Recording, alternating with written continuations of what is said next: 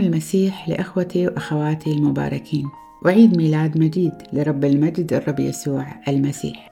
وفي سلسلة جديدة بعنوان نبوات مجيء المسيح. من إحدى النبوءات اللي تحققت هي نبوءة الطفل الملك. وفي أشعياء الفصل التاسع آية ستة الآية تقول لأنه يولد لنا ولد ونعطى ابنا وتكون الرئاسة على كتفه ويدعى اسمه عجيبا مشيرا إلها قديرا أبا أبديا رئيس السلام. وتحققت هذه النبوءة في مولد المسيح. في إنجيل لوقا الفصل الأول آية 31 إلى 33 الآية تقول وها أنت ستحبلين وتلدين ابنا وتسمينه يسوع.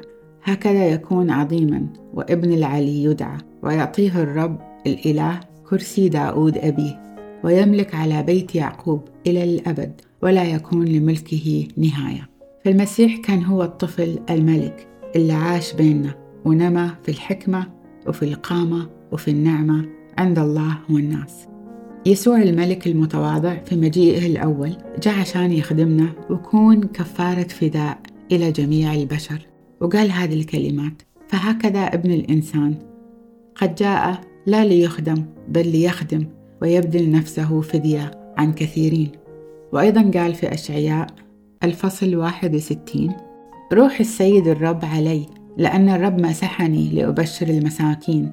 أرسلني لأضمد جراح المنكسري القلوب لأنادي للمسبيين بالعتق وللمأسورين بالحرية لأعلن سنة الرب المقبولة ويوم انتقام لإلهنا.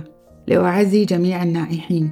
لأمنح نائحي صهيون تاج جمال بدل الرماد ودهن السرور بدل النوح ورداء تسبيح بدل الروح اليائسة فيدعون أشجار البر وغرس الرب لكي يتمجد.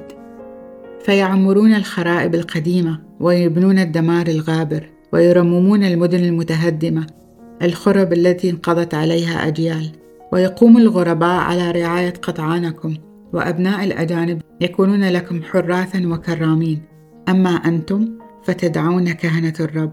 ويسميكم الناس خدام إلهنا فتأكلون ثروة الأمم وتتعظمون بغنائمهم. وعوضا عن عاركم تنالون ضعفين من الميراث. وعوضا عن الهوان تبتهجون بنصيبكم. لهذا تملكون في أرضكم نصيبين ويكون فرحكم أبديا. لأني أنا الرب أحب العدل وأمقت الاختلاس والظلم وأكافئهم بأمانة وأقطع معهم عهدا أبديا. وتشتهر ذريتهم بين الأمم ونسلهم وسط الشعوب وكل من يراهم يعرفهم ويقر إنهم شعب باركه الرب. صلاتي إليك اليوم إن ملكنا الطفل الملك يسوع يكون ملك على حياتك وقلبك وفكرك وتتعلم من تواضع وحنان هذا الملك العظيم.